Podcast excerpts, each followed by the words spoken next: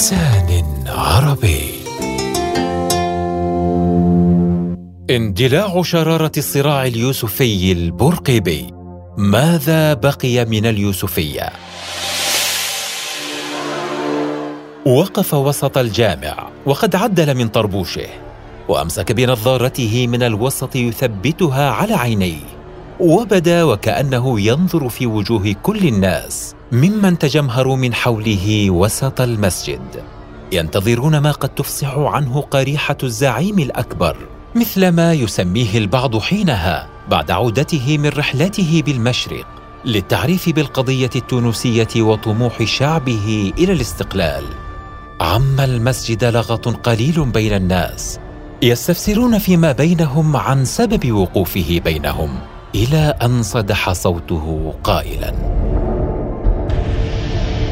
أيها الإخوة المؤمنون إني في هذه اللحظة التاريخية ومن هذا المسجد الإسلامي العظيم الذي كان ولا يزال إلى يوم الدين يشع منه نور الإسلام ومن هذا المحراب الذي ينطق كله تاريخا وعظمة ومجدا وعروبة وإسلاما.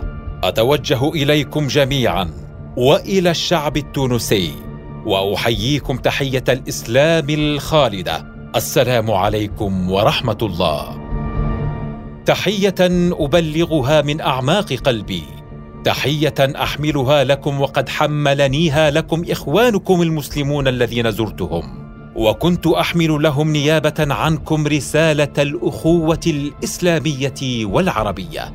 وهؤلاء جميعا من مصر وليبيا والشام والعراق وإيران وأفغانستان والهند والصين واليابان ومكة ويثرب مدينة محمد صلى الله عليه وسلم. يهيبون بكم جميعا بأن تحافظوا على رسالة الإسلام وتكافحوا وتعملوا وتضحوا بكل عزيز وغال لتبقى هذه الأراضي التونسية. أراضي عربية مسلمة لا يدنسها شبح الاستعمار ولا يغيرها تغيير ما. وإني باسمكم من هذا المحراب التاريخي العظيم. أتوجه إليكم مكبرا ومجلا بطولتهم الرائعة واستماتتهم وكفاحهم.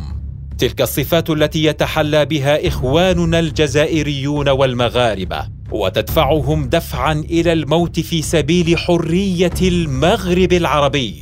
إن حرية الشمال الإفريقي العربي المسلم حرية لا تتجزأ ولا يمكن أن ينالها شعب من شعوب شمال إفريقيا بينما يبقى الآخر أو الآخرون تحت السيطرة الاستعمارية. فلا يؤمل ولن يؤمل استقلال لشمال إفريقيا. إلا إذا كان استقلالا كاملا شاملا تتمتع به هذه المجموعة المسلمة الهائلة من أقصى المغرب إلى حدود مصر.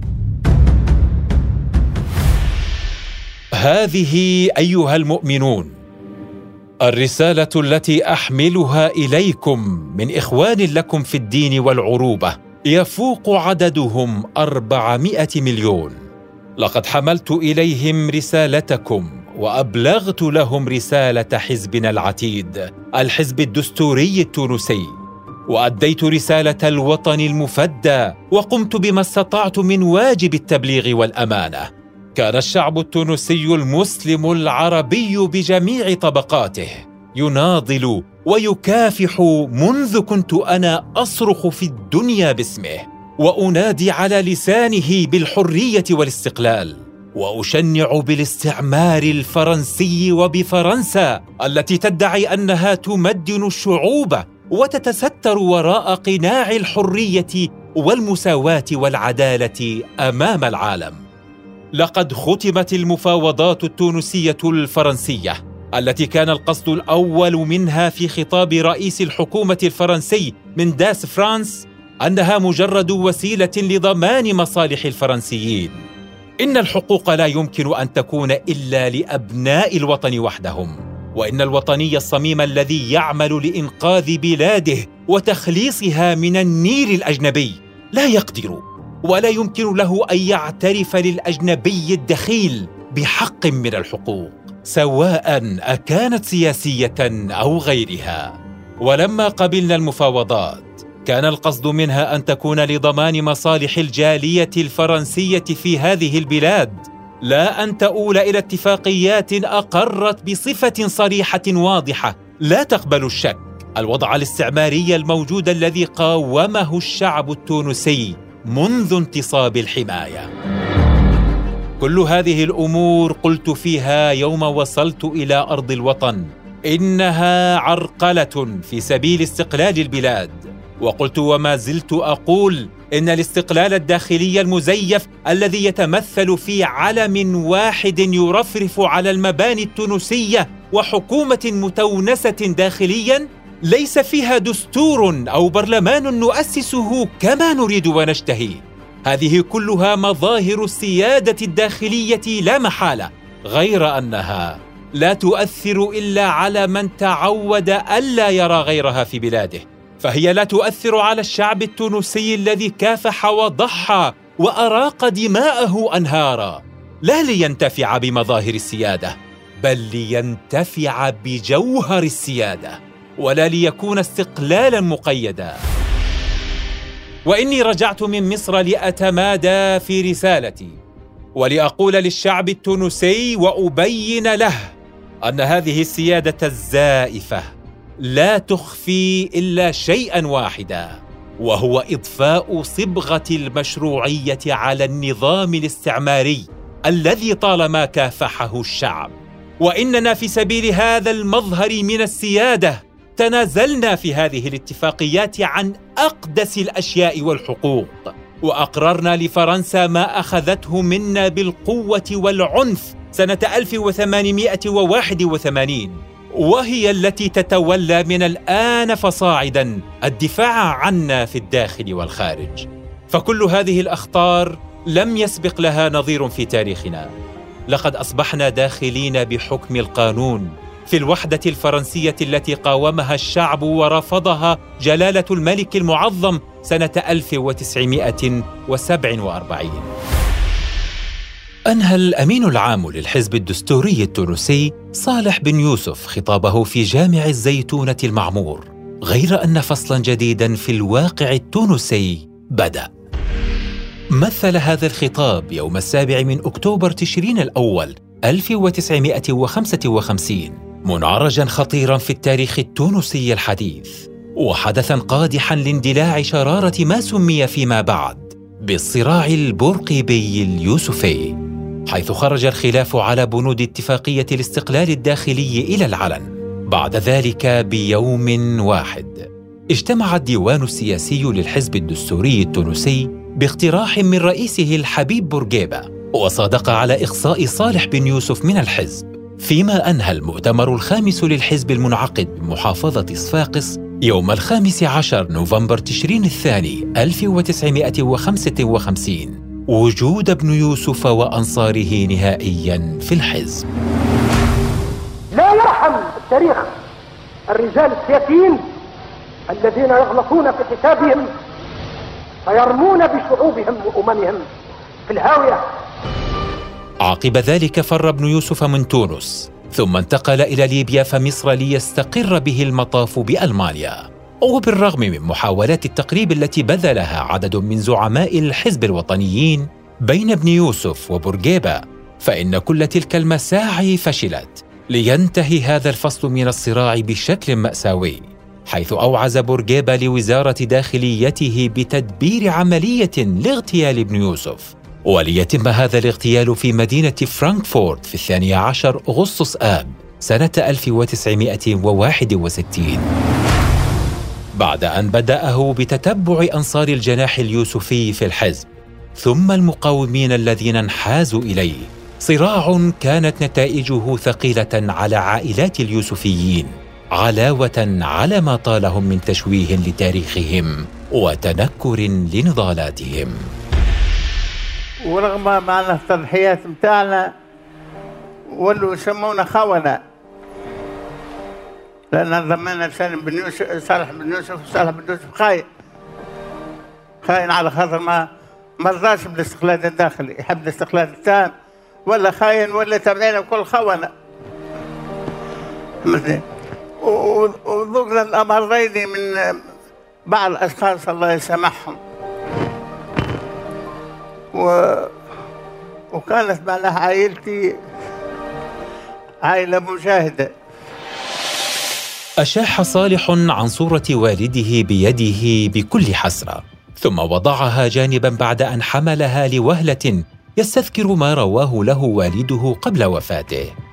كان أمل والده أن يفصح يوما ما أمام مسمع ومرأى من الجميع عما لحق به ورفاق دربه من تنكيل وتعذيب طيلة سنوات خلت. كان ما شاهده صالح من جلسات هيئة الحقيقة والكرامة بشأن ما تعرض له اليوسفيون كفيلا بأن يوقظ في نفسه مشاعر التحسر لعدم شهود والده لهذا الحدث الوطني الذي ظل يمني النفس بحصوله يوما لسنوات. وورث إحساسه لابنه كما ورثه اسم صالح بن يوسف الذي أسماه على اسمه تيمنا به. بقي صالح شاردا إلى أن جاءه صوت ابنه من خلفه ليقطع عنه حبل أفكاره. إلى متى ستظل على هذه الحالة؟ كلما ذكر هذا الموضوع في كل مرة يا أبي. إلى أن تكشف الحقيقة كاملة. كل الحقيقة التي لا مراء فيها والتي سعت آلات إعلامية مأجورة لإخفائها بأمر من عدوا أنفسهم اوصياء على الحقيقة واحتكروا النضال في شخصهم إلى أن يكتشف الشعب والأجيال القادمة واللاحقة من ناضل بحق ومن قايض بنضالات الآلاف وباعها من أجل أطماعه الشخصية في الحكم وعذب وقتل وشرد الكثيرين من أجل ذلك إلى أن تعاد كتابة التاريخ المزيف من جديد. هل كان انتقام بورقيبه من اليوسفيين؟ بحجم الخلاف الذي بينه وبينهم؟ لقد قاد بورقيبة حملة شعواء. استهدفت كل ذي نفس أو ميول يوسفية فعلاوة على عملية اغتيال الزعيم ابن يوسف. فإن مقاومين للاحتلال الفرنسي كانوا قد ساندوا ابن يوسف في فكرته. تم قتلهم بتواطؤ بين بورقيبة والقوات الفرنسية المحتلة.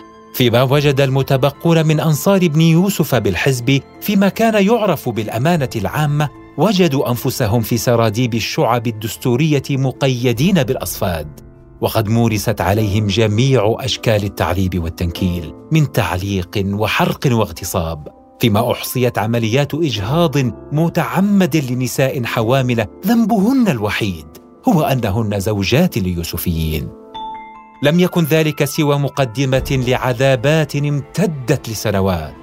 تراوح فيها التنكيل بين الامتهان الاجتماعي والتهميش التاريخي والتنكر لنضالاتهم. كل هذا لم يكن بحجم الخلاف. كل هذا لم يكن بحجم الخلاف الذي كان بين رجلين في حزب واحد. فقد بدأ الخلاف حول نهج معين في التفاوض على استقلال البلاد ليتطور إلى تحشيد وتحشيد مضاد للرأي الشعبي. غير أن أحدا لم يكن يتوقع أن يتحول هذا الخلاف إلى ما آل إليه. من كان الأصوب في ذلك الصراع برأيك؟ ألا ترى أن ما آلت إليه الأوضاع بعد نيل الاستقلال كفيل بأن يجعل من بورقيبه الأصوب؟ يحتمل هذا السؤال إجابتين مختلفتين انطلاقا من رؤيتين متضادتين. رؤية براغماتية صرفة. تعتبر أن تونس يمكن أن تنال استقلالها مرحليا بغض النظر عن محيطها وما يدور فيه. وبين رؤية أخرى قومية إسلامية ترى في تونس جزءا من كل هو المغرب العربي ثم الأمة العربية فالإسلامية. ولا يجب أن تنال استقلالها بمعزل عن التنسيق والتفاهم المسبق معهم. غير أن ما يجعلني أصر على أن رؤية الزعيم ابن يوسف كانت الأصوب. الغموض الذي حف معاهدة الاستقلال إثر إمضائها والتعتيم الإعلامي الذي مورس عليها ثم ما سرب بعد ذلك من احتوائها على بنود التفريط بثرواتنا الباطنية وغيرها. اذا ما الذي جعل انتصار بورقيبة بهذه السرعة على ابن يوسف؟ لا شك أن السند الكبير الذي لقيه بورقيبة من قوات الاستعمار الفرنسي آنذاك والقرار الذي اتخذه الجانب الفرنسي حينها بالقضاء على ابن يوسف ومناصريه كان حاسما في هذا الصراع.